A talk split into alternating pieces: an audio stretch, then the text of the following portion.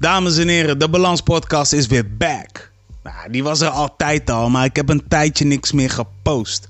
En eh, is dat erg?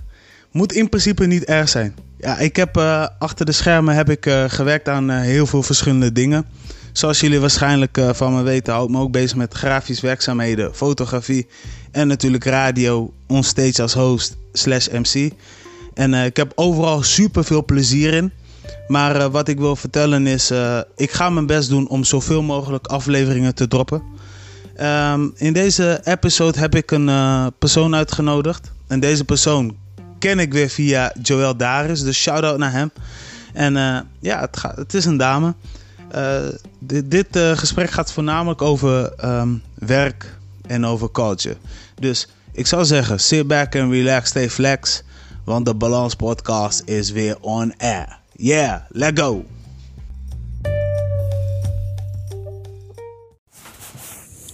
Yes, dames en heren, welkom bij een gloednieuwe show van de Balans Podcast. Mijn naam is Romain Martins, ook wel bekend als Promario. En uh, in de vorige aflevering, ja, goh, dan uh, over met wie heb ik het gehad? Ja, ik heb het uh, met uh, Ali Mamadou gehad over uh, zijn carrière in het Tribal Kush en de lat hoog leggen en zijn roots in Aruba. En ik kan je nu één ding zeggen, hij is nu internationale plannen aan het doen. Dus houd zeker in de gaten, ga die andere podcast checken. En we zijn nu aangekomen bij een nieuwe aflevering. En ik heb dus nu een gast bij mij thuis. Dus haar naam is Cynthia Mevis. Zeg ik het goed? Ja, dat zeg je goed. Ja? Ja. ja. leuk om hier te zijn, dankjewel.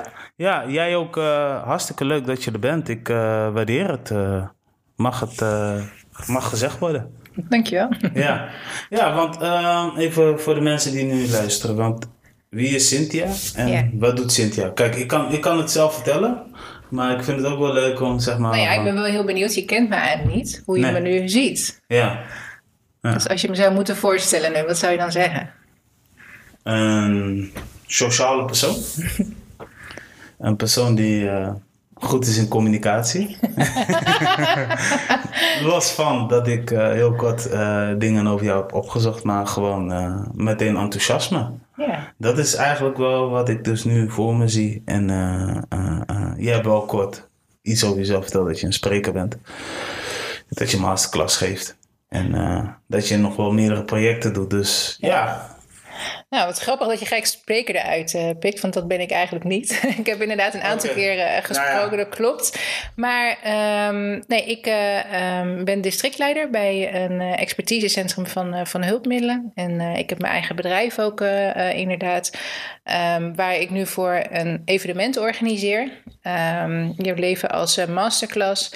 En daarnaast werk ik ook voor de Leefstijl eh, Academie. En dat zit hier toevallig ook in Groningen. oh wow, te gek. Ja. Ja, ja, eh, hoe, ben jij zo... eh, want wat, want ehm, er zijn heel veel mensen die natuurlijk niet begrijpen van wat, je, wat, wat de functie precies inhoudt. Maar wat voor functie is het eigenlijk? Hoe moeten we dat eh, ons voor ons zien? Bij Vego bedoel je? Ja, of, of, Ja, ja, ja. precies.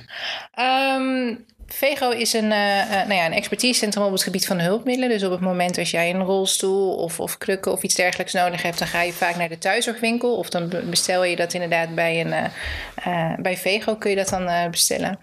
En ehm, nou, we zijn nu ehm, overgegaan, of we hebben, in, tra- we hebben in een periode van transitie gezeten van een hulpmiddelenleverancier naar een expertisecentrum. En in mijn rol als districtleider ben ik verantwoordelijk voor één regio en eh, begeleiden we ook die transitie eh, voor de medewerkers en eh, extern ook.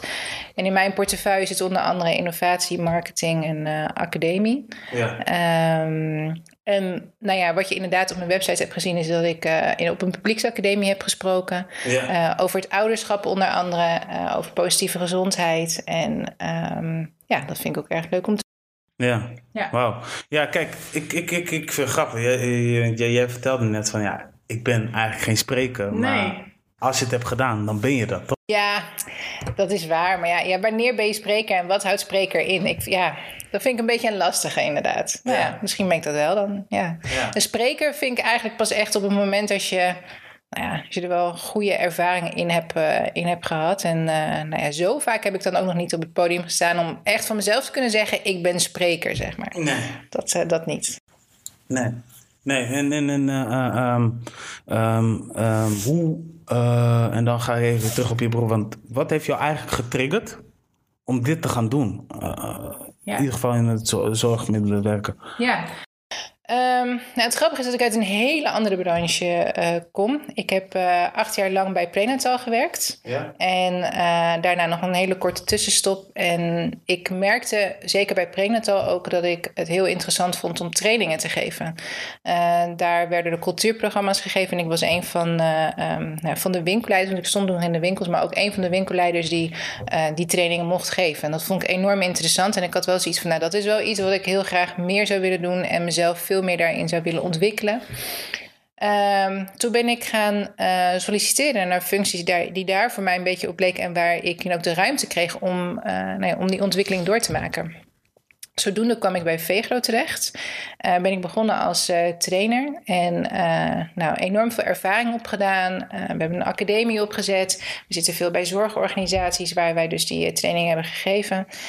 En op een gegeven moment kwam er een vacature uh, uh, open te staan, intern, van districtleider. En dat was een hele nieuwe functie. En, en ik was enorm aan het twijfelen van ja, het lijkt me een enorm interessante uh, rol. Want het is een hele innovatieve rol. En je mag de hele organisatie gaan begeleiden naar, nou ja, naar een nieuwe organisatie toe. Dus dat heeft ook heel veel met gedragscomponenten te maken van medewerkers. Maar het voelde voor mij als enorm hoog gegrepen. En toen heb ik met een vriendin gebeld. Ik kan me nog heel goed herinneren. Ik zat in de auto en ik belde haar op. En ik had zoiets van, nou ja, dit is voor mij echt veel te hoog gegrepen. Ik denk echt niet dat dit iets voor mij is. Maar ergens knaagde toch wel iets in me dat, het, dat ik het ergens moest proberen. En zij was wel degene die mij over de steep uh, getrokken heeft. Toen ben ik gaan solliciteren. En... Um, tegenover mij, uh, tegen, in, tijdens het sollicitatiegesprek, zat de directeur. Zo voelde dat voor mij op dat moment. En hij stelde mij een vraag en hij zei zo van... Ja, denk, je dat je dit, uh, denk je dat je dit kan? Denk je dat je deze rol kunt uh, vervullen? Ja. En ik zei heel stil en te midden van... Ja, ik geloof wel dat ik het kan. En ik ging weg, ik ging naar huis en ik zat in de auto en ik dacht... Nou, nee, dit, uh, het was een leuke poging, maar nou, dit is in ieder geval niet geworden. Zo had je die voorgevoel dan? Dat ik het niet zou worden? Ja. Nou, omdat ik niet het gevoel dat ik me helemaal had laten zien tijdens dat gesprek. En dat ik me wel een beetje liet overmannen door zenuwen. Maar ik had wel overal antwoord op gegeven. Het was wel een goed gesprek hoor. Maar ook omdat ik een bepaald beeld van die rol in mijn, in mijn, in mijn hoofd had. Van nou ja, daar moet iemand aan voldoen. En, en ik had al helemaal een. een uh, nou ja, ik had de lat al voor mezelf al enorm hoog gelegd. Dus ik had zoiets toen ik in de auto terugreed. Van nou, daar kan ik echt nooit aan voldoen. En dat, dat misschien, ik kan het misschien wel. Dat was de twijfel die ik toen nog had. Maar ik heb het ook niet daar op dat moment kunnen laten zien. En die vraag dat hij dat stelde aan mij, dat, dat kan ik me nog enorm goed herinneren. En uh, wonder boven wonder werd ik dus een aantal dagen later gebeld. Uh, en ze zeiden van ja, we zouden het heel graag uh, met jou willen proberen. En uh, nou, ik was helemaal stom, stom verbaasd. Maar ik had wel zoiets, dat moment, dat is een kans. En daar moet ik gewoon echt voor de volle duizend procent moet ik daarvoor gaan. Ja. En um, in, nou, in, het, in dat half jaar heb ik echt alles gelezen wat los en vast zat. Ik, ik ben mezelf aan het ontwikkelen. Ik heb mezelf ook echt in de spiegel aangekeken van wat zou ik hier nog meer uit willen halen en meer kunnen doen.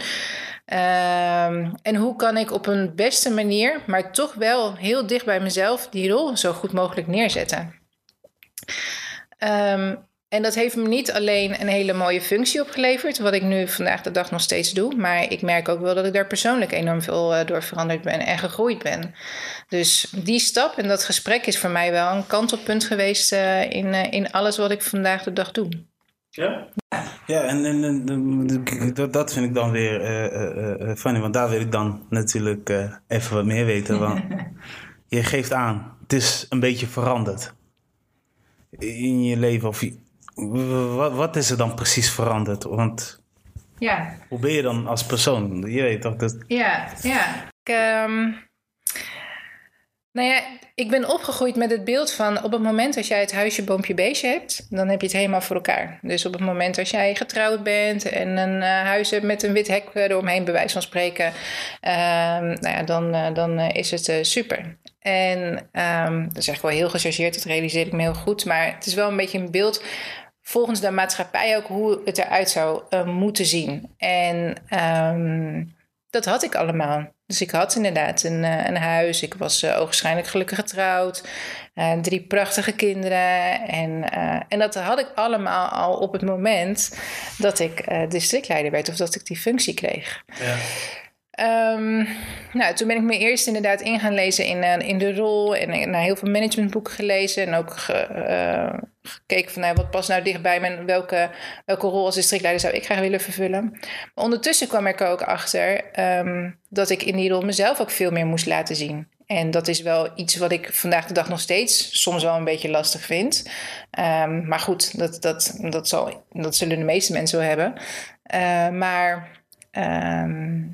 ik had ook wel echt zoiets van, nou ja, ik ben ik nog wel degene die volgens dat beeld, past dat beeld, wat uh, mij altijd geleerd is, past dat eigenlijk wel bij wie ik ben en wat ik eigenlijk zou willen zijn.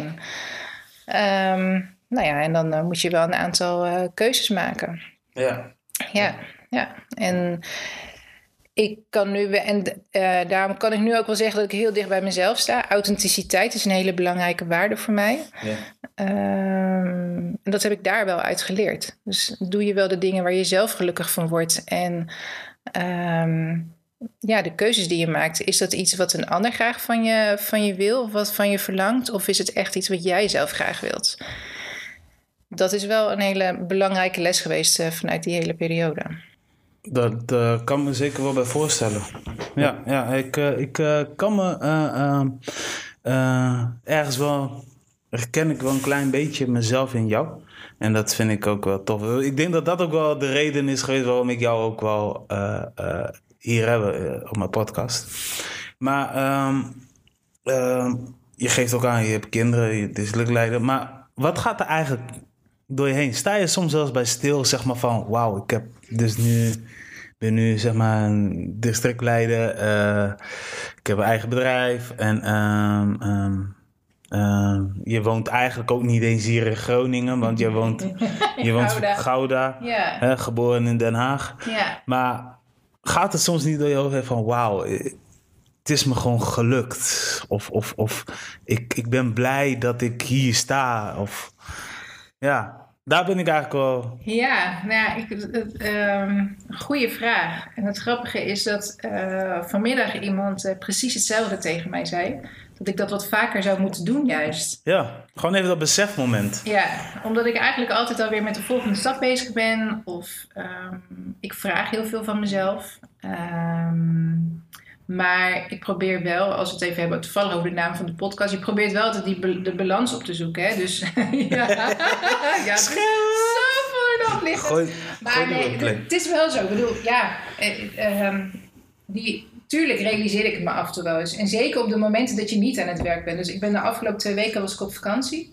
En uh, toen ben ik voor het eerst met mijn kinderen uh, alleen gaan kamperen. En ik zat voor mijn tent en nou ja, dan kijk ik om je heen. En dat, nou, dat was al een, een, een, een, bijzondere situatie. Maar je gaat wel heel erg nadenken over waar sta je vandaag? Wat heb ik inderdaad bereikt? Of hoe ziet mijn leven er op dit moment uit? En dat vergelijk je met een eh, x aantal jaar geleden. En dat is gewoon enorm anders. Dus ja. dan realiseer je je wel ja, wat voor stappen je hebt gemaakt. Alleen op het moment, als je in het moment zelf zit dan, dan zie je dat niet. Nee, je bent, je, bent, je bent eigenlijk alleen maar on the road. Je bent eigenlijk alleen maar bezig met het redden van iets of, of ja. uh, het creëren van iets. Klopt, en daarom is het heel belangrijk om soms ook gewoon even afstand te nemen en er op een, vanaf een afstand naar te kijken. Het grappige is, daarom, dat is ook de titel van het evenement die ik organiseer. Hè. Kijk naar je eigen leven um, en daar kun je zoveel uithalen uh, en zie het als een masterclass. Dus jouw leven als masterclass. Um, ik denk dat, je, dat we ons dat uh, soms niet realiseren hoeveel lessen er eigenlijk in ons eigen leven zitten. En, en um, dat we dat voor de toekomst ook kunnen gebruiken. Ja, ja. ja masterclass. Nu zeg je ook iets, want dat is ook echt de. ik zeg niet dat dat je main thing is, maar dat is iets wat je ook graag doet. En, en, en uh, hoe moeten we dat voor ons zien, dat, dat masterclass die jij geeft? Nou, het is uh, niet een masterclass die ik geef. Het is een evenement die ik organiseer. Oh, het is een evenement? ja. Sorry. En nee, maakt niet uit. het is een, het eerste story-evenement wat, ik wat ik organiseer. En um, ik zal daar inderdaad staan. Ik zal mijn eigen verhaal gaan, gaan vertellen. En ook wat ik daar zelf van geleerd heb. En tools geven aan anderen om, om zelf te kijken ehm, naar je eigen leven. Van, nou ja, wat, wat heb ik nou eigenlijk bereikt tot nu toe? Maar wat zou ik nog graag anders willen doen? Um, en Um, nou ja, en ook wel inderdaad trots mogen zijn op wat je eigenlijk uh, allemaal doet. Hoe klein of hoe groot een bepaalde stap uh, ook is. Ja, ja. Um, en naast mij heb ik nog twee andere sprekers uh, uitgenodigd. Karel Jonker, dat is een collega van me, van onder andere de Leefstijlacademie en van, van Vegro. Die heeft ook zelf yes, een heel bijzonder ja. verhaal. Um, en filosoof Lammert Kamphuis. daar ben ik ook wel heel erg trots op. Hij is een uh, auteur ook van het boek uh, Filosofie voor een weergaloos leven. Ja. En in februari hebben we vanaf, uh, vanuit de Leefstijlacademie het hier ook in Groningen georganiseerd. Niet hetzelfde concept, maar wel hebben we Lammert Kamphuis uitgenodigd hier in Groningen. Um, dat hij een lezing vanuit ons verzorgde. En dat was ook echt heel inspirerend. Wauw. Ja. Wauw, ja. Kijk, ik ik uh, ben, al, ben nu al na, na, na, na 14 minuten speechless. Omdat ik alleen al te gek vind hoe jij uh, het, het, het, stukje vertelt over uh, het werk. Want het werk is nu ook echt jouw passie geworden. Ja. Ja. Ja. ja, het voelt ook niet als werk. Nee, nee. En alles niet, elk aspect niet. Dus zowel bij, bij Vego als bij Leefstijlacademie... Ja. als de dingen die ik dan nu steeds meer voor mezelf doe. Maar uh, de focus ligt zeker wel op, uh, op Vego hoor. En, en, ja. Nou ja, en de Leefstijlacademie, dat geeft me ook enorm veel energie. Um, maar dat is ook enorm belangrijk. Ik denk op het moment als werk echt heel zwaar als werk aan gaat voelen... dan moet je jezelf ook wel afvragen... Um, doe ik wel dan het juiste op dit moment? Geeft het me wel energie? En op het moment als dat niet zo is, ja, dan heb je er zelf toch wel wat keuzes te maken.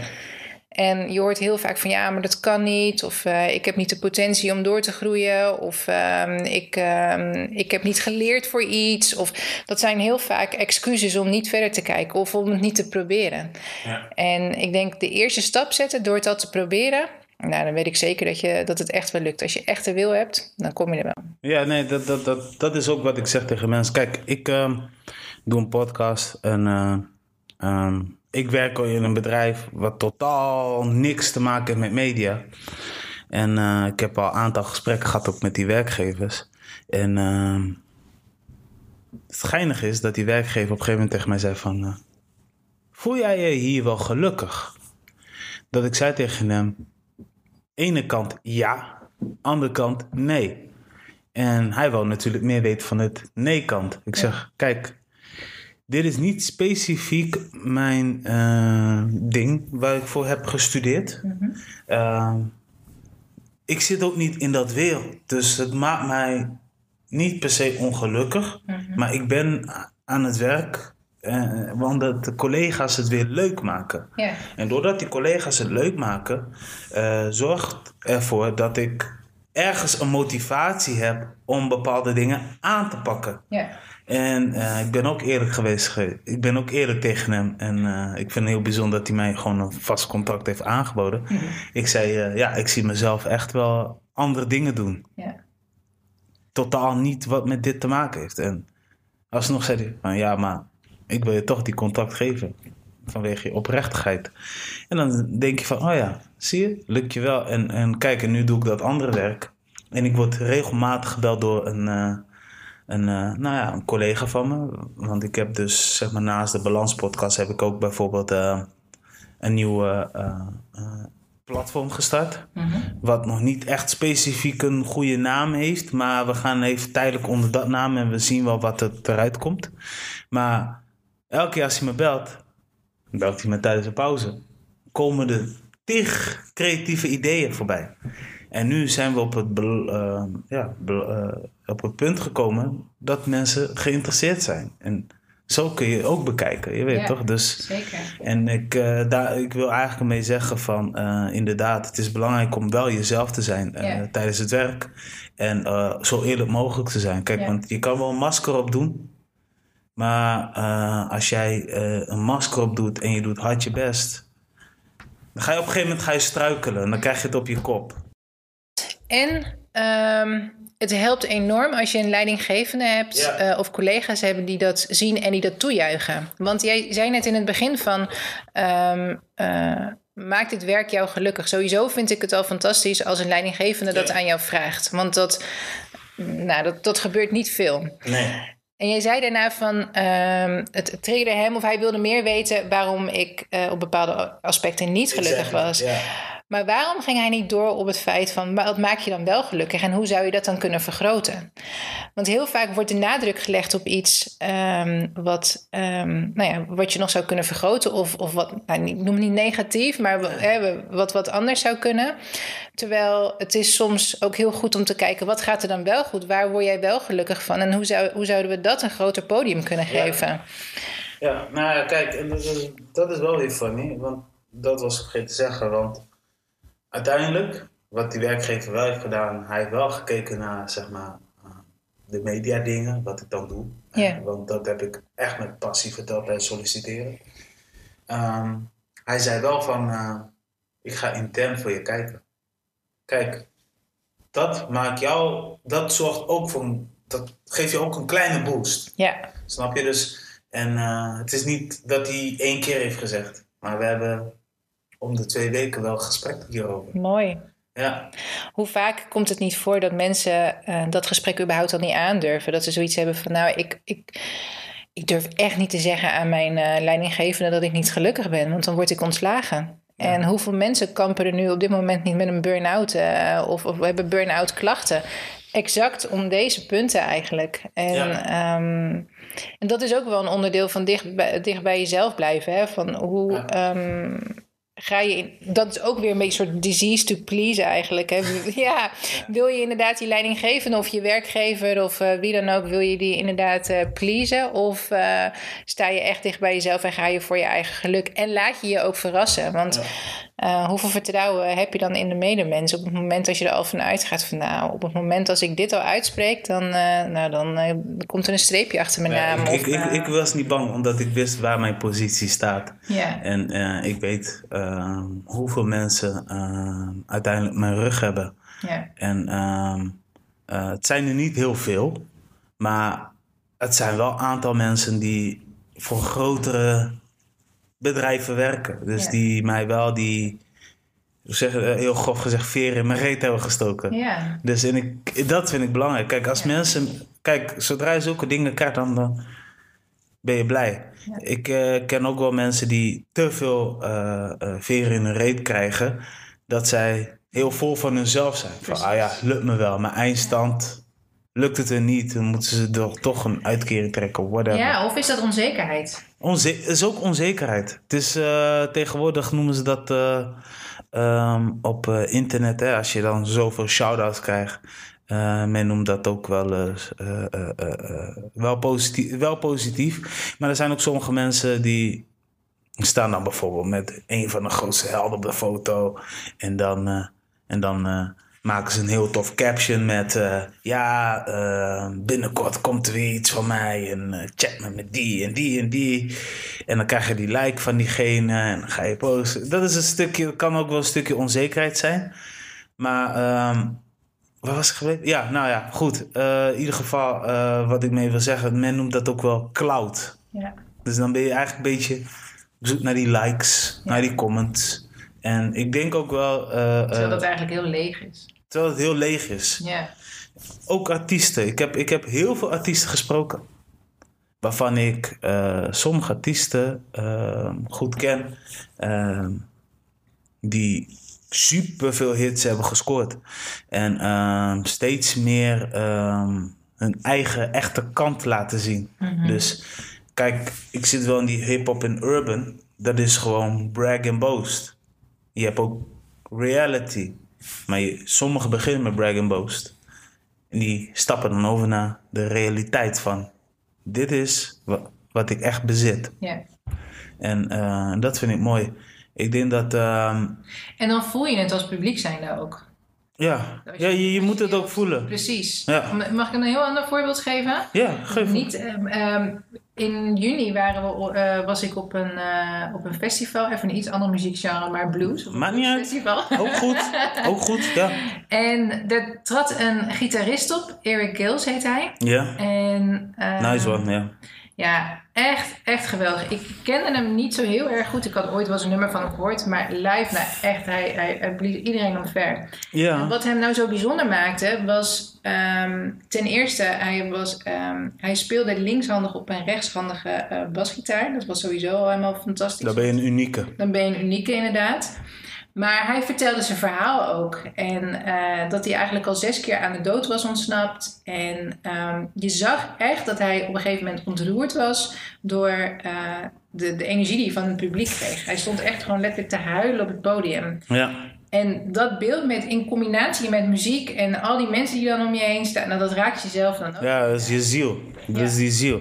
En als het je raakt, ja, dan, dan voel je ook wel een stukje eh, emotie. Dat, dat, dat is totally facts. Ja. Dat zijn ook eh, de real ones, om maar zo even te zeggen, die eh, het, het nemen met het minimale wat ze hebben. Ja, En, en die gaan al, en dat zijn ook, en dat, ehm, hoe moet ik zeggen? Eh, zulke artiesten gaan altijd jaren door. En die komen wel aan hun boekingen. Die komen wel aan eh muziekleverproducties. Ehm, ik ken genoeg artiesten die eh, ehm, heel groot hebben gedaan. Maar waarvan ook wel sommige artiesten eh, nu veel meer achter het schermen moeten doen. Terwijl ze liefst voor de schermen willen zitten.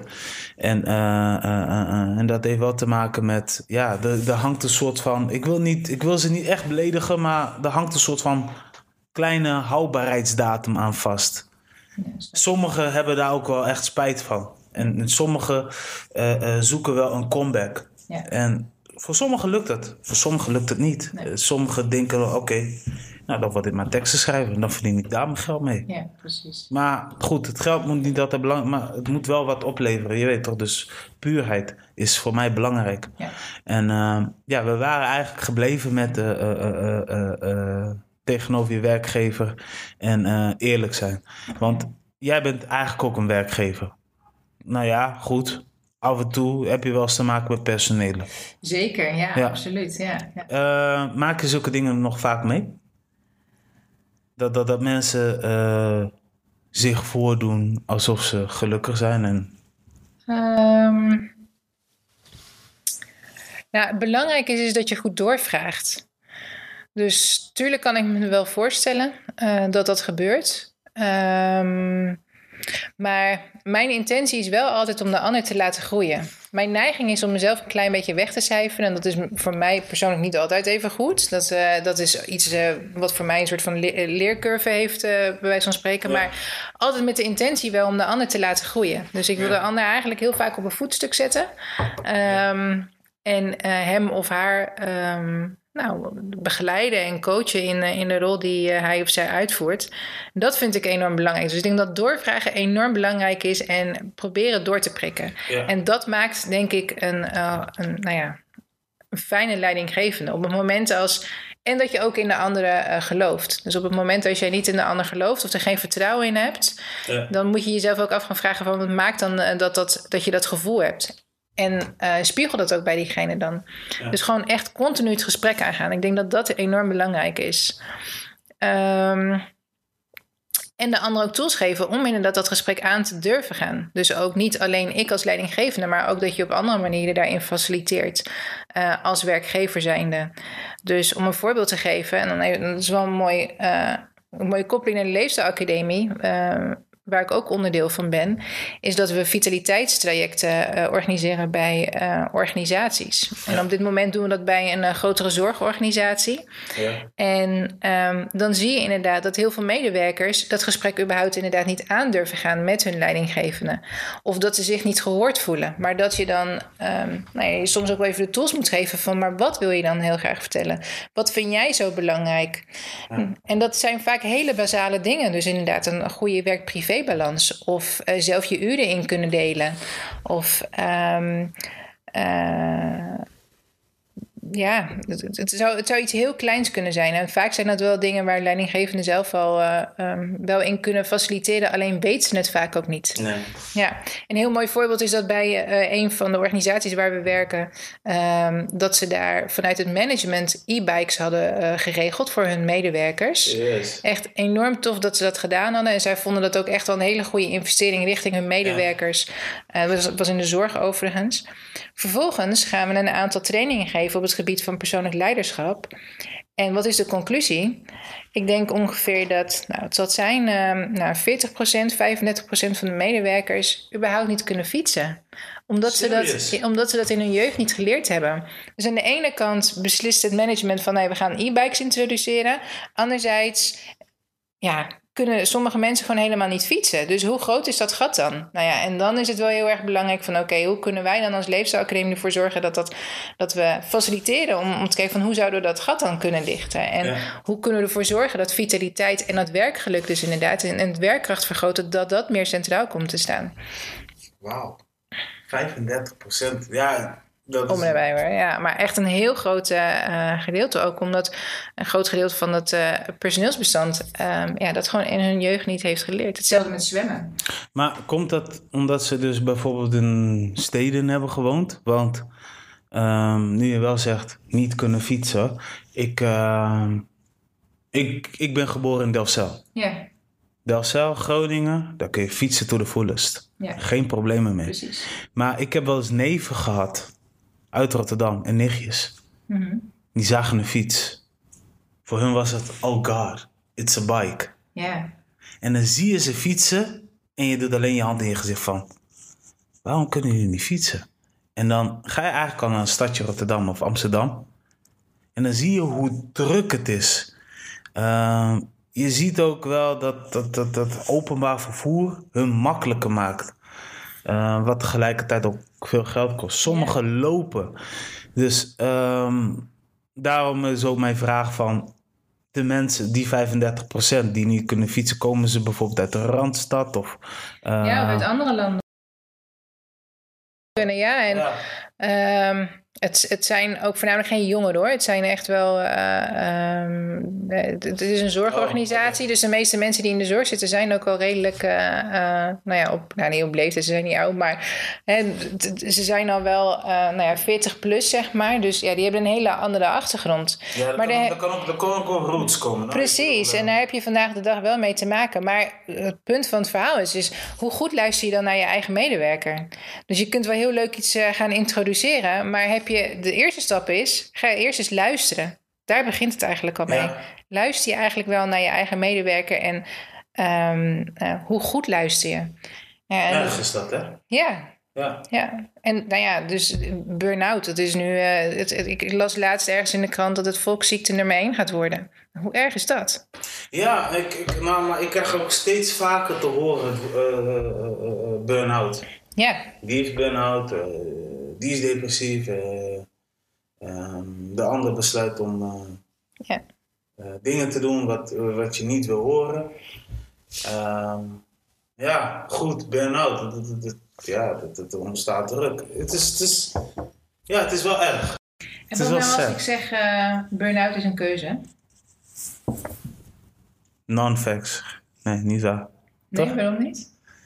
Omdat burn-out kan een keuze zijn, denk ik. Maar ik denk wel dat je, eh, zoals ik al zeg, ik ben eerlijk tegenover mijn werkgever. Dus als jij eigenlijk wel je oprechtheid toont, zeg maar van, hey, tot daar is mijn grens en niet verder, dan hoop je op een respect. Maar je hebt sommige werkgevers zeggen, nee, dat kun je wel. Maar je kan ook ervoor kiezen van, oké, eh, jij wil dit, ik ga het niet doen. ja. Maar dat is heel sterk. Je geeft je eigen grens aan. Ja, En daar, dat is inderdaad precies. sommigen durven dat niet. Wat jij Of kunnen, zei. of kunnen het niet. Nee, Dat ze wel zoiets hebben van. Dat ze het, het van binnen vreten toch, man. Ja, inderdaad, en dat ze het grotere perspectief ook niet zien. En Ja. er was een, eh, een, een, een, een dame die ik ook een keer in de training heb gehad. Die had een. eh, een nou, nou, nu was de dochter wat ouder, maar toen de tijd toen dit verhaal speelde, was die dochter denk ik een jaar of zeven of acht. En haar rooster werd van haar werk continu veranderd. En, ehm, oh ja, ja die ze- heb je ook. ze zei iets van ja, maar ik kan mijn werk gewoon niet eh, verlaten. Want op het moment als ik niet werk, dan heb ik geen geld en dan kan ik niet voor mijn dochter zorgen. Dus wat deed ze? Ehm, nou, de dochter ging dan wel naar school, maar aan het einde van, eh, van de schooldag kreeg ik, eh, de dochter een sleutel mee. En die moest over gevaarlijke wegen inderdaad in de grote stad lopen om naar huis te lopen. Om, en die moeder had zoiets van ja, ik moet ook werken, want ik moet ook voor eten kunnen zorgen. Dus in hoeverre ben je in staat om je eigen keuzes dan nog te maken? En, en ehm, hoe faciliteer je als werkgever daarin? Ik denk dat dat heel erg belangrijk is. Dus, Ja. Maar en ook inderdaad ben je in staat om naar jezelf te kijken en daar ook een bepaalde keuze in te maken. Dus burn-out is een keuze. Ik weet dat het een hele heftige stelling is. En ehm, eh, een collega van mij die, die, die spreekt er me wat vaker uit dan dat eh, ik dat doe. Maar ik geloof daar wel in. Ik geloof wel dat eh, het altijd eerst bij jezelf ligt. En dat je altijd voor jezelf eerst in de spiegel moet kijken. Nou ja, wat kan ik er zelf aan doen? En op het moment dat je dat zelf niet kan, probeer dan alsjeblieft om hulp te vragen. Want dat is ook zo enorm belangrijk om hulp Vind ik een heel goeie dat je zegt. Eh, een dichtbijzijnde van mij. Een, eh, een familielid. Ik noem ook even geen naam Nee, of geen eh, dit. Maar die werkt al meer dan 20 jaar voor een schoonmaakbedrijf. En eigenlijk gewoon dicht. Nou, ik zeg niet dicht bij huis, maar ja, van Delcel naar Farmsub. Werkt daar perfect. Goede werkgevers. Eh, voorheen werd ze altijd, eh, moest ze altijd bij een punt zijn. Werden ze altijd eh, opgehaald. En werden ze altijd gebracht. En dan werden ze altijd teruggebracht. Oké, op een gegeven moment, dat was voorbij, want het bedrijf had niet meer zoveel geld. Nou, op een gegeven moment moest, de, moest de man moest op een gegeven moment de vrouw brengen. Prima. Nou, hey, 20 jaar of 25 jaar later, whatever. ehm, is, er een, eh, eh, is er een probleem bij het schoonmaakbedrijf, want die werd overgenomen door een ander bedrijf.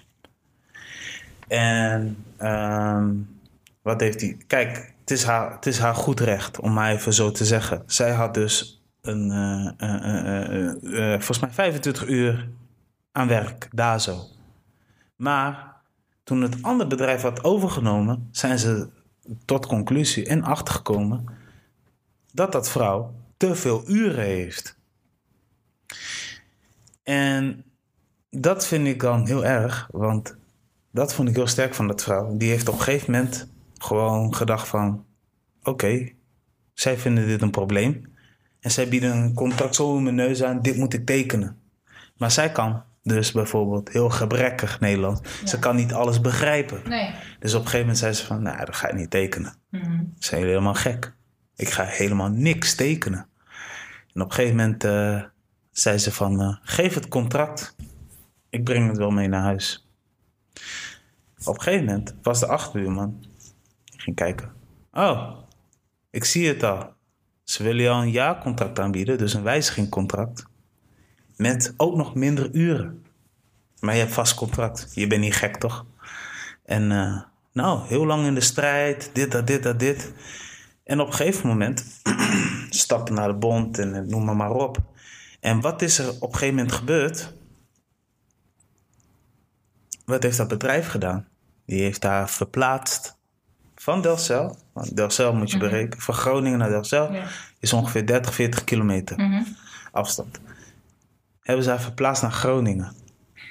En eh, wat nog erger is, ze hebben ervoor gezorgd dat zij om precies 8 uur moet gaan beginnen. Terwijl zij normaal van 5 tot en met half 8 had of zo. En ja, want ze moest haar uren vullen. Want eh, dit eh, pikken we niet en noem maar maar op. Terwijl ik zoiets had van, oh, jullie zijn zo'n groot bedrijf. Jullie kunnen diegene ook waarschijnlijk ergens in Delcel zetten. Even misschien kijken, oh, hier plukken we uren af. En we, pluk- we plakken het bijvoorbeeld in het weekend of whatever. Precies. En nou is die vrouw helemaal kapot van binnen. Ja. En eh, ze neigt bijna zelfs om hiermee te kappen. Ja. En eh, ja, en dat heeft mij anger gemaakt. En daarom vind ik het heel, heel tof dat je daarover had. En ik had zoiets van, oh, dit verhaal wil ik nog een keer kwijt. Ja. En ik heb het nu kwijt kunnen krijgen. Omdat jij het hierover hebt. Ah, Ja, en, en, en Ja. dit gebeurt vaker. het gebeurt vaker. Het gebeurt vaker. En het is pijnlijk hoor. Het is heel pijnlijk. En, en zoals ik het van jouw verhaal hoor, staat de medewerker ook niet centraal in, eh, vanuit die organisatie. Het gaat om de uren, het gaat om de productie, het gaat om het werk wat geleverd moet worden. Ja. En er wordt niet gekeken, maar wie voert het werk dan uit? En is diegene is die eigenlijk wel gelukkig op die plek? Want ehm, allereerst staat de medewerker natuurlijk eh, bovenaan in, in dit verhaal. Hè? Is- is- wordt zij, je kunt haar eigenlijk met een hele simpele manier al heel gelukkig maken door haar gewoon in de Delft-Zijl te laten werken. Tuurlijk. Maar wat nog beter is, hè, wat maakt haar nog meer gelukkig? En misschien een, een, een, zou een bepaalde handeling of een kleine procesverandering in haar of een roosterverandering zou haar nog gelukkiger kunnen maken. Maar dat Ja. weet je pas op het moment als je daadwerkelijk een gesprek met haar aangaat. Ja, En- dus het zijn die gesprekken niet eens met haar gaan. Het is gewoon een wurgdingetje. hè? Ja. Ja. Dus staat dan inderdaad je productie centraal of staat je eh, medewerker centraal? En op het moment als je laatste, denk ik, eh, eh, pakt, als je je medewerker veel meer centraal stelt, dan heeft jouw eh, ehm, organisatie ook echt wel een goede toekomstbestendigheid. Op het moment als je daar nu op zo'n manier mee omgaat, dan heb je als organisatie ook, eh, nou ja, denk ik, niet lang meer te leven. Nou, dat bedrijf is volgens mij ook al bijna aan het faillissement. Nou ja, dan, dat verbaast me dan niet dat zo. Nee, maar er zijn meerdere medewerkers die daar last van hebben. Dus eh, vandaar dat de bond wel heeft gezegd van hey, we gaan een bijeenkomst organiseren. Want jij bent niet de enige. Er zijn meerdere mensen met hetzelfde probleem. Ja, En eh, ik denk dat het... eh, dit is gewoon kwantiteit, het is geen kwaliteit meer. precies. De persoon is kwaliteit. Ja. Laten we dat voorop stellen. Want anders zou dit- diegene echt niet langer als 20 jaar voor hetzelfde bedrijf werken. Nee, inderdaad. Dus, dus ik, ik vind het wel belangrijk inderdaad als je iets start, dat je niet met. Ja, eh, dat je niet in, in, in euro's moet denken. Niet altijd in euro's moet denken. Nee. Je moet ook wel een keer denken aan hoe, hoe voelt deze persoon zich. Ja, wat, Wat kan die allemaal aan? Ja. Precies, en, en wat zijn de waarden ook van die persoon? Hè? Een heel, heel mooi ehm, methodiek ook, wa- wa- waar ik een heel warm hart aan toedraag, eh is eh, ook je, je eigen waarden kennen. Dus ik heb bijvoorbeeld voor mezelf heb ik, eh, een vijf of zes aantal waarden. En dan op het moment dat je die voor jezelf helemaal helder hebt, ik noemde er net al één, authenticiteit, eh, maakt het voor jezelf ook makkelijk om daar vanuit keuzes te maken. Ehm, nou, onafhankelijkheid is voor mij bijvoorbeeld ook een, een hele belangrijke waarde. Dus op het moment als ik bij een werkgever zou werken, waar ik echt in moet klokken, eh, standaard van 9 tot 5, of eh, ik zou zo'n rol moeten vervullen. Nou, ik weet nu al dat ik daar ongelukkig van zou worden. Want dan gaat het inderdaad, wat jij zegt, om de kwantiteit en niet over de kwaliteit. Dus dat maakt voor mij dat ik een keuze moet maken. Ehm, wil ik dan wel bij zo'n werkgever werken? Of eh, gaat het mij dan veel meer om dat ik een, een functie vervul of een rol vervul waar ik veel meer impact kan maken? Die keuze ligt bij jezelf. Dat kan niemand anders voor je maken. Ja. Lijp hoor. Zo. Ja, nee, het was even dat kwade, dat moest eventjes Ja, eruit. tuurlijk. Ja, Heerlijk, man. ja wat goed. Ja, ja, wat fijn dat je dan, moet ik nog een keer zeggen, dat je er weer bent. Dat je, nee, weer bent, maar dat je er bent. Ja. Ja, ik, ik, vind, dat gewoon, ik vind dat gewoon wel eh, eh, eh, interessant Ja. om eh, zulke dingen te voeren. Nou, oké, kijk. ehm, voor de show hadden we nog een gesprek gehad. Hè? Wat, wat is je achtergrond en waar liggen je roots? Want kijk, Cynthia Mavis eh, is een lichtgetinte vrouw. Hè? Eh, pracht van de mensen, om maar zo even te zeggen. maar eh, je roots liggen eigenlijk... Je bent half Nederlands, je bent half Surinaams. Ja. Ehm, heb je daar wel eens... eh, ehm, ik kan... Sommige mensen hebben daar wel eens last van, hè, als het gaat om kleur. Mhm. Heb jij daar ook wel eens soort van issues mee gehad? Of, of, of, of dat mensen je er wel eens... Nou, het is meer dat ik er zelf soms in. Het klinkt heel gek dat ik nu zelf. Het meer zelf mijn eigen mindset af en toe. Ja. Ehm, ik heb er nooit zozeer issues mee gehad dat ik daar conflicten mee gehad heb. Of eh, nee, absoluut niet. Nee. Ehm, ook dat is denk ik wel weer iets wat heel erg ehm, dicht bij mezelf ligt. In de zin van hoe kijk ik er zelf naar en wat voor invulling geef ik er zelf aan. Want dat, dat zie ik ook wel vaak gebeuren. Ehm, het grappige is dat ik in de afgelopen twee weken ehm, op vakantie eh, ben geweest met mijn kinderen eh, in, eh, in Drenthe. En dat was een kindercamping. Enorm toffe camping. Echt een, een leuke vakantie eh, gehad. Ehm, een kampeervakantie. Dus ik, zat, ik was met de tent. En uh, dat was voor mij sowieso een uitdaging. Hè, als uh, alleenstaande moeder voor het eerst op vakantie. En dan ook nog eens uh, gaan kamperen. En, en er was één avond, en dat was een van de eerste avonden dat ik voor mijn tent zat en dat ik zo een beetje om me heen keek. En dan zie je natuurlijk op andere plekken zie je ook caravans en tenten staan. En dan zie je allemaal van die ogenschijnlijk perfecte beelden van een man, een vrouw en twee kinderen. En, en uh, allemaal goed, hè? En uh, verder daar geen oordeel over. Um, maar toen, dat was het eerste moment eigenlijk dat ik zoiets had van... oh, ik heb inderdaad een tintje. Ja. of donkere mensen gaan nooit kamperen. Zoiets. Maar dat zou je uh, denken, maar dat is ja, dat wel vaak. Jawel, jawel. Maar nee, dus, dus daarom, waarom ik dit voorbeeld benoem... is denk ik dat het ook vaak bij jezelf ligt. Hoe, hoe geef je er zelf een invulling aan? En, en um, voel je jezelf ook donker of niet? En um, ik dat heb ik wel geleerd. Dus ik heb wel geleerd om daar zelf op zo'n manier naar te kijken. Ik ben verder helemaal Nederlands uh, opgevoed. Um, ik heb wel wat is meegekregen van... Uh, mijn, mijn moeder is Hindoestaans. Ja. Uh, meegekregen van bepaalde rituelen. Dus bijvoorbeeld van een, van een crematie of van een trouwerij. Of dat soort dingen. Zeker wel. En, en natuurlijk ook het eten. Um, maar um, ik voel me verder ook helemaal Nederlands. En ja. ik uh, heb er ook altijd op zo'n manier een invulling aan gegeven. Ik weet niet beter. En dat maakt ook dat ik op zo'n manier ook handel. Of dat ik ja, daardoor dicht bij mezelf zit. Dus nee, ik, ik, ik zie mezelf niet zo. Uh... Ja.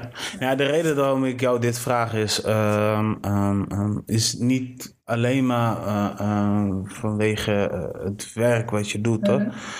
Maar het is uh, voornamelijk omdat ik zie, oh, je komt uit Den Haag, je, je hebt gewoond in, in, in Gouda. Ja. Uh, je werkt best wel voor een uh, leuke werkgever. Ja, zeker. Snap je? En ehm, er zijn, ja, ik, ik kan me wel eens voorstellen dat je je dan wel eens eventjes, nou, ik zeg niet awkward, maar dat je je wel eens bekeken voelt of Dat, en natuurlijk zijn er wel eens momenten dat je er bewust van bent. Dat je ja. ineens in een bepaalde situatie staat en dat uh, iemand inderdaad vraagt ineens uit het niets uh, naar je afkomst. Of uh, dat, ik me, dat ik dan even om me heen kijk. Maar dan denk ik bij mezelf, ja, weet je, op het moment als de ander iets daarvan vindt, dan zegt dat veel meer over de ander dan dat het over mij zegt. En ja. volgens mij gaat het niet om welke huidskleur iemand heeft, maar volgens nee. mij gaat het om wie je van binnen bent en, uh, en uh, ja, wat je doet. Ja, nee, maar kijk, want er zijn sommige mensen die vinden bijvoorbeeld uh, niet leuk. Um, nou, kijk, als er wordt gevraagd naar, naar, naar afkomst, dan yeah. moet bijna geen probleem wezen. Nee. Maar ik kan me ook voorstellen dat. Um, ik ken ook genoeg mensen bijvoorbeeld die het bijvoorbeeld erg niet tof vinden als er uh, grapjes worden gemaakt. Ja. Snap je? Dus dat er grapjes gaat over. Oh, jij bent Suriname, je bent altijd laat. Ja, precies. Weet je, dat, zo, dat soort dingen. Kijk, met een knipoog zou het kunnen. Ja. Hè, het ligt er ook aan wie je tegenover hebt. Maar je hebt van die mensen die gaan dan nog veel verder. Klopt. Ik, uh, um, uh, ik heb bijvoorbeeld wel eens gehad, weet je, nu veel meer. Mm. En ook nog van uh, uh, een jongen die, zich, uh, die, die sowieso halfbloed is, maar die voelt zich toch meer eigenlijk een Nederlander. All good. Ja, toch, maar op een gegeven moment zei hij tegen mij van, ja, jullie Afrikanen zijn altijd zo. Jullie Afrikanen zijn dit, zijn dat. Je bent raar, je shock shock lopen. Oké, op een gegeven moment dacht ik, hey, dit gaat echt mij te ver. Ja. Dus ik heb gelijk tegen die jongen gezegd van... hé, hier is mijn positie. Tot daar en niet verder. Nee. En maar eroverheen praten. En maar grote mond waar de werkgever bij was. En mijn werkgever zei op een gegeven moment van... Uh, of manager... Yo, jullie moeten elkaar niet gaan opfokken. Ik zeg, hoor jij wel wat hij zegt? Ik was meteen duidelijk. Ik zei tegen hem... Is nog bij dezelfde werkgever trouwens... Ik zei tegen hem: hey, als dit zo doorgaat, even goede vrienden. Ik zoek mijn uitgang wel. Nou, het was meteen. Uh, hij zei: Nee, nee, dit en dit en uh, we kunnen dit oplossen. Ik zeg: Ik ben, uh, ik ben degene die heel erg burgerlijk doet, die heel normaal doet. En die wil ook uh, geaccepteerd worden. Ja. Yeah. ja. Ik doe mijn best. Ik, ik, ik pas me een beetje aan en af en toe wordt er nog wel eens aangepast op mij. Maar soms komen van die opmerking dat ik denk van... Yo, dit gaat mij een tandje te ver. Ik heb het ook zelf ook aangegeven. En eh, op een gegeven moment... ja, het was heel grappig. Op een gegeven moment eh, zei ik tegen hem... "Nou, Weet je wat? Ik ga wel naar de kantine. Ik ga rustig mijn dingen lezen. En ik denk wel over na van wat ik ga doen. Ja. Ik denk op dezelfde, ja, nou, dezelfde, uur nog, hè, vlak voor het einde van het werk, komt die jongen naar me toe. Eh, ja, ja, ik wil eh, toch mijn excuses aanbieden. Ik ben te ver gegaan en bla bla bla.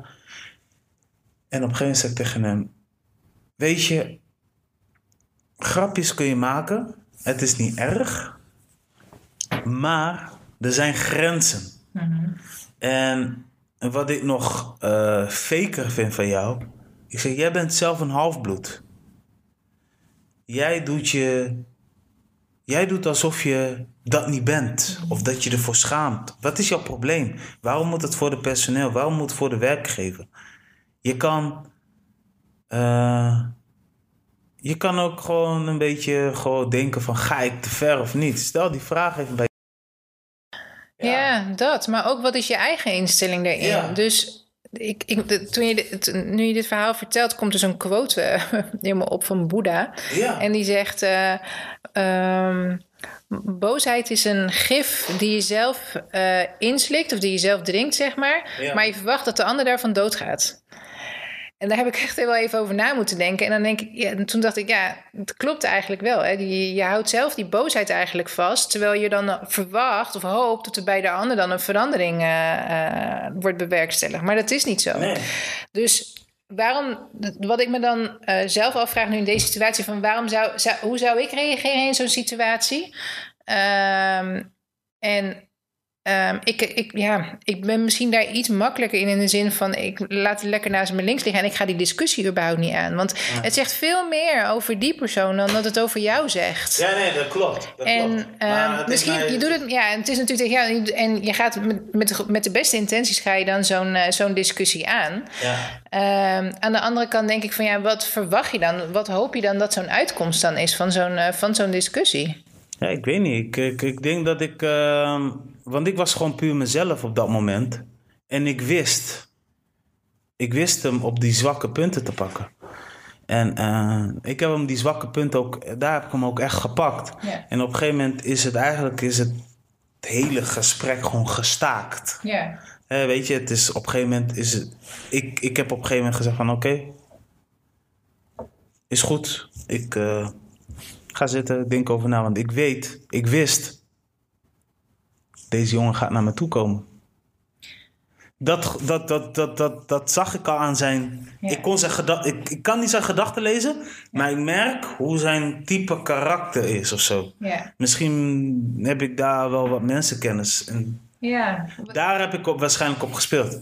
Nou ja, dat. Ehm, eh, wat ik interessant zou vinden is van hoe kan je dan eigenlijk meer tot een verbinding komen? Hè? Hoe zou je tot een positief resultaat kunnen komen? Dat, Ja. dat, dat, dat, dat Ja. vind ik dan heel erg Ja, boeiend. het is, het is, het is me drie keer overkomen die jongen. Dus, eh, Nee, oké, maar ehm, ik ben dan wel heel benieuwd, waarin zijn jullie gelijken? Dus wat maakt jullie... en je, je hebt het nu heel erg een discussie over van hoe je naar, op een andere manier naar misschien naar dezelfde situatie kijkt. Ja. Hoe je eigenlijk allebei verschillende meningen Ja. hebt. Maar daardoor ga je eigenlijk nog steeds verder van elkaar afstaan. Ja. Maar wat maakt nou een verbinding? Een verbinding maakt eigenlijk op het moment als je iets gelijks hebt. Ja. Dus eh, wat misschien dan een, een interessantere opening zou kunnen zijn, is van eh, om samen op zoek te gaan naar van wat verbindt ons nou? Wat, Ja. waar, wat hebben wij met elkaar gemeen? En dat je daar meer verder op gaat. Want dan richt je je energie ook veel meer op het positieve dan eigenlijk op het negatieve. Klopt. En die klopt. positiviteit, dat maakt de verbinding. Ja. Nee, maar ik denk dat het ook wat de- deels te maken had, want hij... eh, ik zeg niet dat hij lieveling was, maar ehm, hij eh, werd wel vaak naar voren getrokken. En hij was wel het perfecte voorbeeld van. En daar, eh, ik wou eigenlijk nog steeds wel dat hij een voorbeeld werd. Maar ik wilde ook dat, zeg maar, dat stuk waar ik me aan stoorde, of waar hij zich aan stoorde aan mij, dat beeld wilde ik ook eigenlijk een beetje meer naar buiten creëren. Dat, dat, dat, dat, dat, dat überhaupt de werkgever ook inzag van... Oké, nu snap ik wel waar hij het over heeft. Of nu snap ik wel waar... Weet je, wel, wat dat betreft zijn we wel een soort van opposites. Ja. Ja, ja. it's all good. Maar eh, derde keer, nou, derde keer scheepsrecht. Maar daarna hebben we ook niet meer echt eh, zo'n discussie gehad. Maar ik, ik, ik, ik wilde deze, deze, ik wilde niet per se deze vibe, maar ik wilde gewoon uit zijn eigen mond horen waarschijnlijk van, hey, ik realiseer me precies waarin ik zit en dat die positie niet goed is. Nee. Nee. En ehm, ehm, dat is, bij de derde keer is het echt doorgekomen. Dus Oké. ja, ik, ja, je weet toch, dus ik, ik vind het wel belangrijk om, om, om, om, om mensen te laten inzien. En, en Ja. eigenlijk ben ik niks anders dan positief. Ja, ja, ja, ja. Ja. Dus, eh, maar goed, eh, dat is eh, zo gegaan zoals het hoorde. Ehm, ja, eh, verder. Ik zie ook dat jij eh, interessante eh, dingen hebt gedaan. Eh, vrijwilligerswerk. Ik heb het hulpmiddelenfonds, bedoel je daarmee? Ja. Ja, Ehm, vanuit ehm, Vego zagen we heel erg dat er ehm, mensen zijn die door de huidige wet en regelgeving tussen wal en schip vielen als het gaat om aanvragen van hulpmiddelen. Eh, dus op het moment als iemand een, ehm dat is een mooi voorbeeld, een, eh, een aangepaste eh, stoel bijvoorbeeld eh, wil hebben, dan zou je dat eigenlijk via de gemeente, via de WMO aan kunnen vragen. Ehm, nou, vanuit Vego hebben we ervoor gekozen om niet meer via eh, WMO leveringen te doen. We werken wel op een andere manier samen met gemeentes. Ja. Maar er zijn heel veel mensen die niet aan een bepaald hulpmiddel kunnen komen. Nou, en dat, dat, dat moet gewoon anders.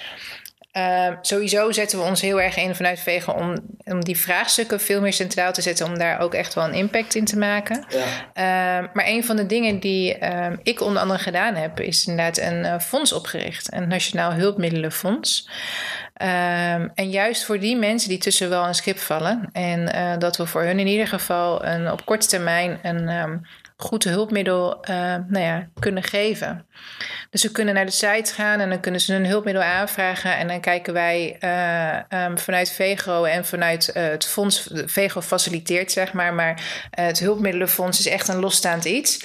Het fonds beoordeelt inderdaad een bepaalde aanvraag. Van oké, is dit inderdaad een aanvraag die je niet via de normale gang zou krijgen? Of dat je die inderdaad via het fonds zou kunnen krijgen. Dus dit is, dit is wel een heel belangrijk onderwerp, wat ehm, steeds door de politiek ook en, en, en eh, door andere leveranciers, door ehm, eh, wel een ondergeschoven kindje blijft. In de zin van: dit is wel echt een probleem die nu ook in Nederland gaande is.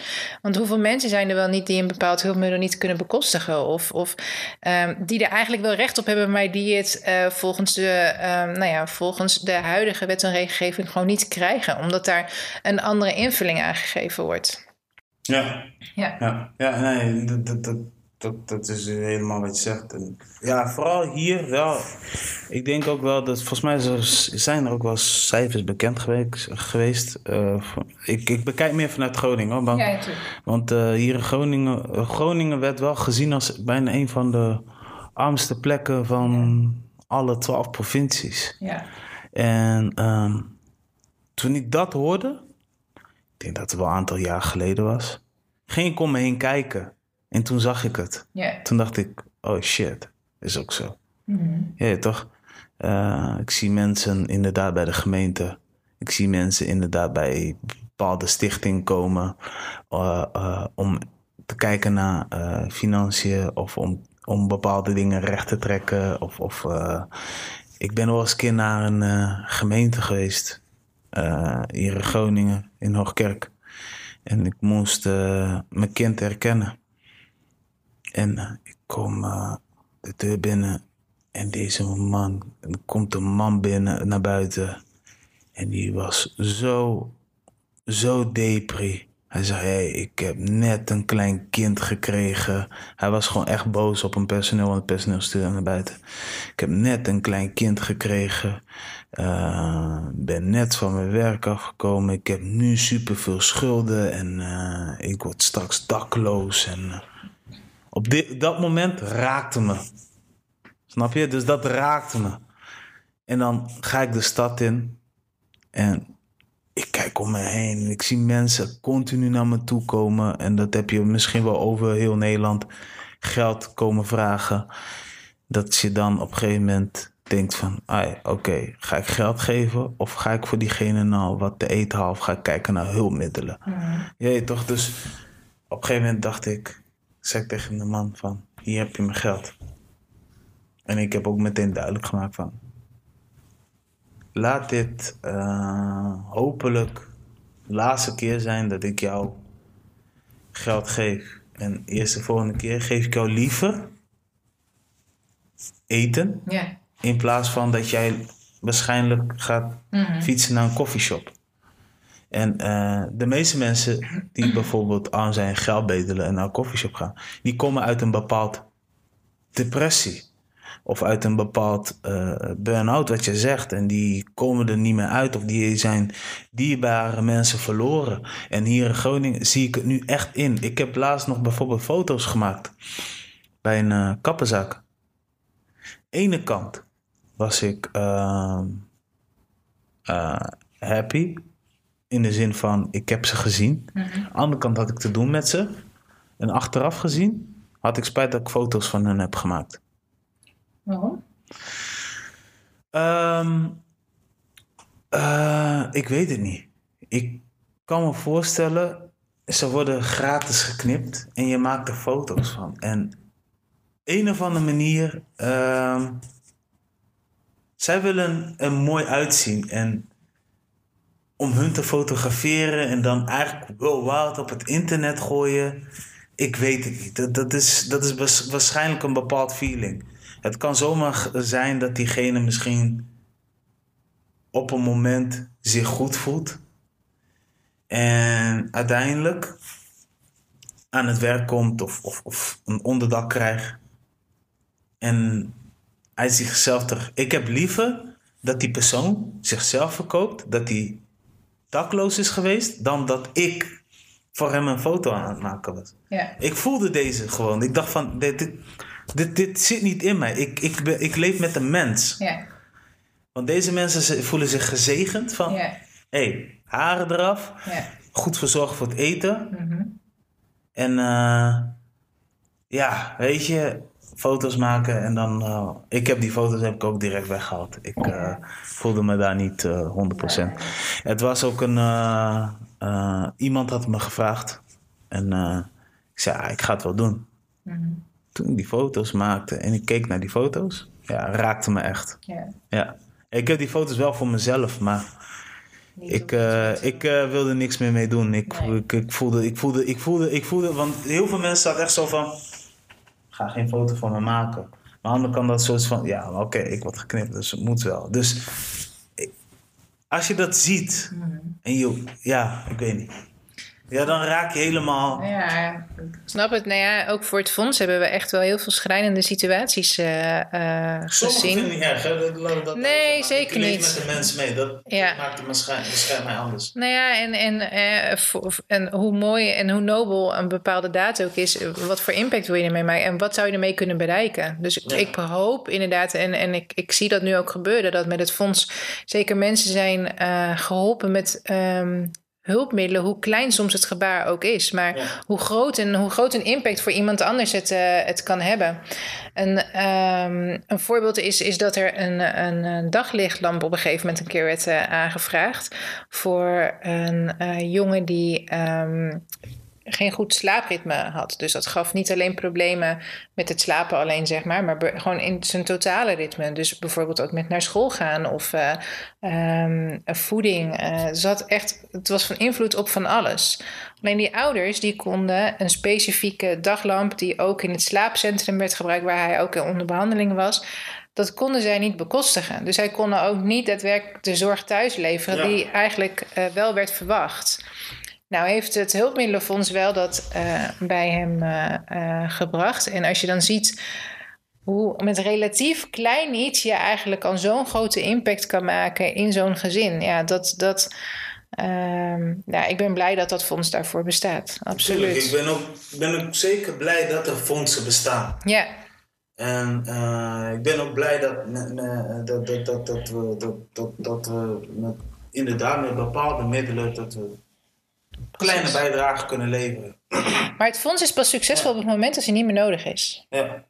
Dat is eigenlijk ook wel continu een doelstelling die, die ik voor mezelf voorhoud, zeg maar. Is op het wanneer is mijn rol succesvol? Op het moment dat ik niet meer zelf nodig ben. Dus wanneer is mijn rol als, eh, ehm, als of wanneer is dat fonds in ieder geval succesvol? Op het moment dat hij niet meer nodig is. Want het fonds faciliteert niet alleen in hulpmiddelen, maar het fonds ehm, helpt ook juist om bepaalde eh, eh, vraagstukken en probleemstukken veel meer een podium te geven. Dat daar daadwerkelijk een, een structurele oplossing voor komt. Want daar gaat het om. Ja, ja, ja, sowieso. Ja. Ja, 100 procent.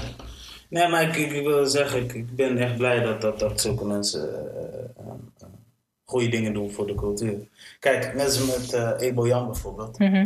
Ehm, die podcast heb je natuurlijk ook gecheckt. Als jij het niet hebt gecheckt, gewoon luisteren. Maar ehm, hij heeft ehm, heel goed contact gehad met bijvoorbeeld een eh, jongen. Die heet, eh volgens mij Younes. Ik weet niet meer hoe die heet. Ja, Younes heet hij. Mhm. En, eh, maar dat was gewoon een guy. die presenteerde zichzelf ook van: hé, hey, maar ik neem genoeg met wat ik heb. En als ik ook kijk naar dat beeld van wat er is gemaakt. Ehm, die jongen wilde ook echt oprecht gewoon spreker zijn namens de rest. Ja. Weet je, daarom zeg ik: sommige mensen vinden het niet erg. En sommige mensen vinden het wel erg. Of die, die, die hebben liever dat ze even geen beeld om hen heen hebben, maar dat ze gewoon langzaam kunnen opbouwen. En dat ze even, al is het die familie redden. Ja, Snap je? nou ja, dat. Of ehm, ook dan kom je wel weer terug bij jezelf. Wat, wat zou je zelf eh, aan je eigen situatie kunnen veranderen? Ja. Een heel mooi voorbeeld vind ik, ehm, en hij nou, inspi- inspi- inspireert me vandaag de dag nog. ehm, dat is Niels Schuddeboom. Ja. En Niels is helaas inmiddels overleden. Ehm, maar een aantal jaar geleden ehm, zag ik op Facebook een bericht van een, ehm, een jonge man die eh, net vader was geworden, getrouwd, maar die rolstoelgebonden was, eh, nou ja, ziek, een bepaalde ziekte had. en waarbij hij ook in een aangepaste woning woonde daarvoor. Ja. En hij vroeg om een tweede eh, bed. En vanuit de zorgverzekeraar krijg je maar één bed vergoed. Dus een hoog-laagbed, zeg maar. Dat hoog-laagbed van hem, dat stond in de eh, slaapkamer. Maar zijn zoontje die begon te lopen. En, en ehm, hij had wat vaker rustmomenten nodig. Dus hij had zoiets van, hoe, hoe fijn zou het nou zijn op het moment... als ik in mijn woonkamer een tweede bed had... en dat ik veel meer van het leven van mijn zoon kan genieten. En dat ik niet, die, vaak die rustmomenten die ik heb... Ja. dat ik dan naar mijn slaapkamer zou moeten. Hij heeft het via allerlei wegen geprobeerd. Hij heeft het inderdaad via een eh, leverancier geprobeerd, via de WMO, waar het eigenlijk eh, het is een, een, een- via een woningaanpassing, via nou ja, allerlei kanalen. En hij kon het nergens krijgen. Tot hij op een gegeven moment op Facebook een, een bericht deed van, nou ja, weet je, ik, ik weet gewoon zeker dat ik dat tweede bed zou kunnen en moeten krijgen. Maar jongens, netwerk, ik heb even hulp nodig. En dat bericht zag ik toevallig voorbij komen. En we hadden echt zoiets van, nou ja, dit is een situatie waar gewoon gelijk een bed zou moeten. Want, Ja, toch? eh, en, en, eh, nou ja, en dat diegene dat op dat moment ook echt daadwerkelijk nodig had. De volgende dag hebben we gelijk een, eh, een bed geleverd. En ehm, nou ja, hij heeft nog veel meer. Helaas heeft hij daarnaast, eh, naast de ziekte die hij had, ook kanker gekregen. En heeft hij, eh, nou ja, is hij na een jaar is hij overleden. Maar dan nog, echt zelfs de laatste keer dat ik hem zag, was hij nog zo continu bezig met werk. Of hoe zou ik anderen kunnen helpen? Of eh, zijn instelling, dat was echt ehm, ja, heel inspirerend. Ja. Ja, dus ook hè, wat zou je zelf kunnen doen om je eigen ehm, nou ja, woongenot of je eigen geluk te kunnen vergroten? Hoe, hoe, hoe anders je situatie dan menige ander mens ook is. Hij was wel iemand die zo enorm inspireerde ehm, door nou ja, de beperkte dingen die hij kon, hoeveel hij eigenlijk kon bereiken. Ja. En nou ja, dus dat, dat laat wel zien van, nou ja, als hij dat al kan, wat zouden jij en ik dan wel niet kunnen, bij wijze van spreken. Dan zouden we, daarom. Wauw. Ik, eh, we zijn eigenlijk al, zeg maar, al bijna aan het einde gekomen. maar ik wil jou wel ehm, bedanken dat jij mij vragen stelde. Volgens mij was jij de eerste persoon. Nou, we zijn wel vaker mensen, maar die gewoon even. Je weet toch wel, normaal leid ik het gesprek, maar jij hebt ook even, dus, en dat vond ik tof. Ah, Dat nou, wou ik nog even zeggen. Dankjewel. Dus eh, ik zou het zeker niet eh, erg vinden als jij komt in de podcast.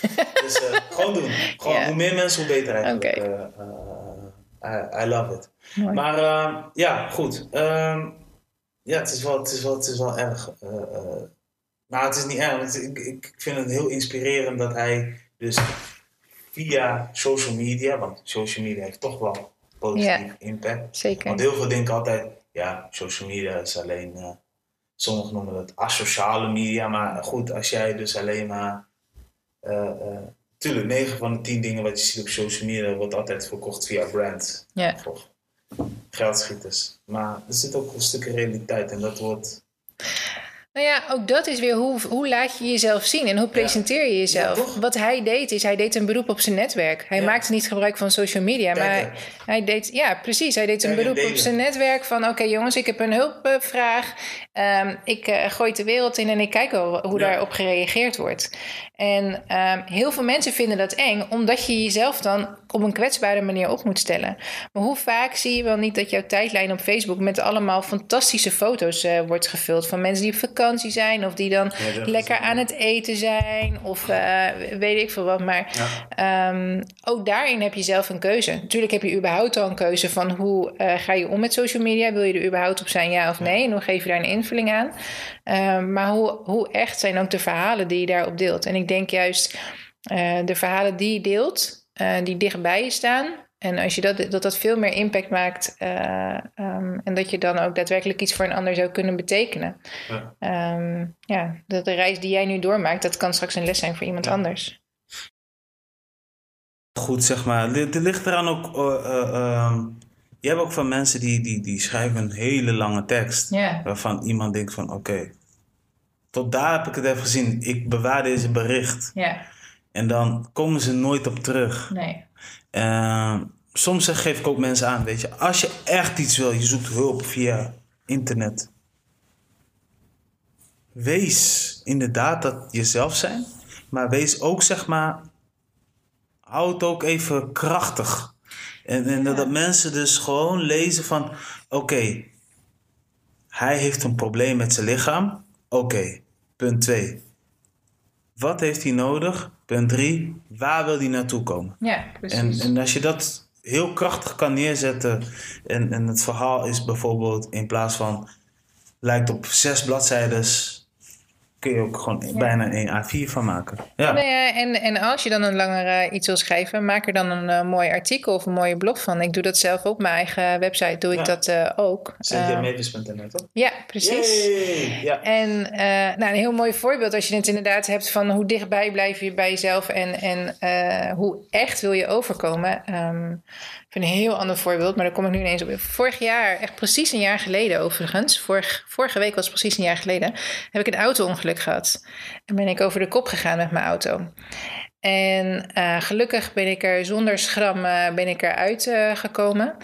Ehm, natuurlijk ook hier nou wel maar in ieder geval, ik had niks gebroken. Ik eh, kon, ik kon alles nog toen ik eruit uitkwam.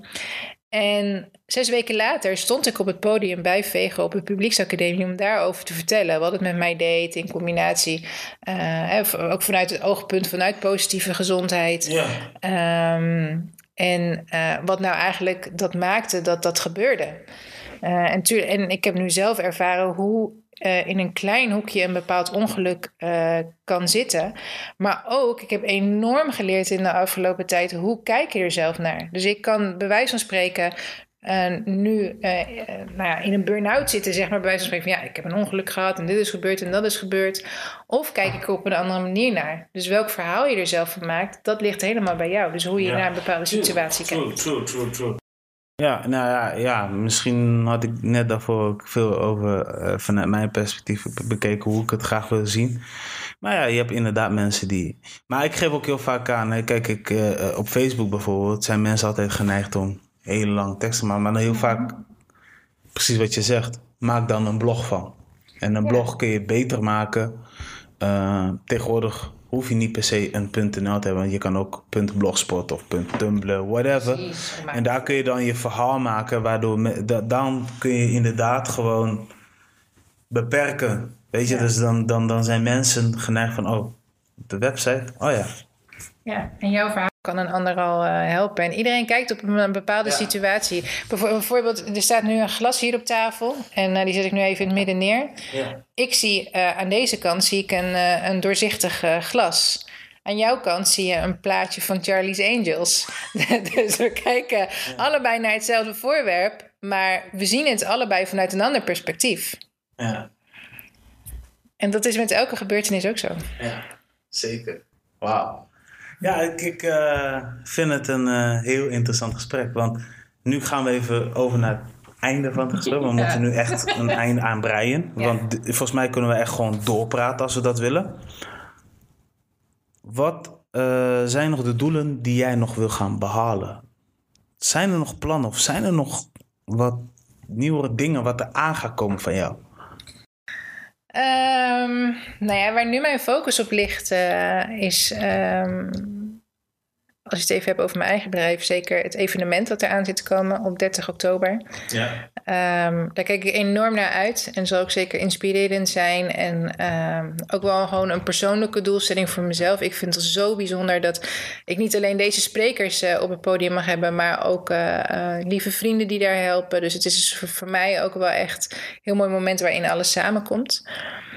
Um, we zijn met de Leefstijlacademie echt met prachtige dingen bezig. Met mooie trajecten die lopen. Ja. En um, het geeft enorm veel energie om te werken met mensen die... Uh, um, ja, die, die een beetje gelijk-minded zijn. En, ja. en waar je wat niet als werk aanvoelt. Dus wat echt gewoon meer als, als uh, nou, haast een hobby voelt. Of een passie of iets dergelijks. Dus voor mij, ik heb niet specifieke doelen die ik wil behalen, maar juist um, dat behouden en dat, dat vergroten eigenlijk en daar stabiliteit in krijgen. En um, ja. Oké, okay, laten we het nog anders zeggen. Oh. Wat is je big, what is your biggest wish? My biggest wish? Wauw. Zowel beroep als persoonlijk. Um, Ik vind het een hele moeilijke vraag. Ja, weet ik. Ja, weet je. Omdat je veel vanuit passie en beroep, dus ik ben... Nou ja, nou, ik... ik je stelde halverwege stelde je een vraag van... sta je soms eens wel stil bij wat je tot nu toe allemaal bereikt hebt? Dat vroeg ja, je halverwege. Dat besefmoment, toch? Ja. Dat besefmoment, inderdaad.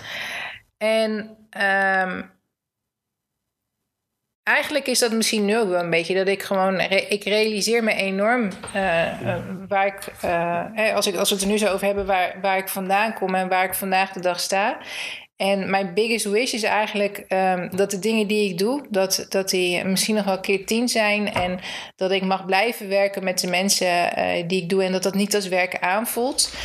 Um, ja, en dat ik gewoon dicht bij mezelf blijf staan. Oké. En dan alles wat op, het, op mijn pad komt, uh, dat zijn allemaal mooie cadeautjes. Ik denk dat dat de perfecte afsluiting is. Ja. Ja. Cynthia, bedankt. Jij bedankt. En uh, ja, voor meer informatie check cynthiamevis.nl. Uh, link staat sowieso in de beschrijving. En uh, hey, ik hoop je gauw weer te zien. Ik hoop het ook. Ja. Mooi. Hey, te gek. Dankjewel. Dit was de Balans Podcast en tot de volgende keer.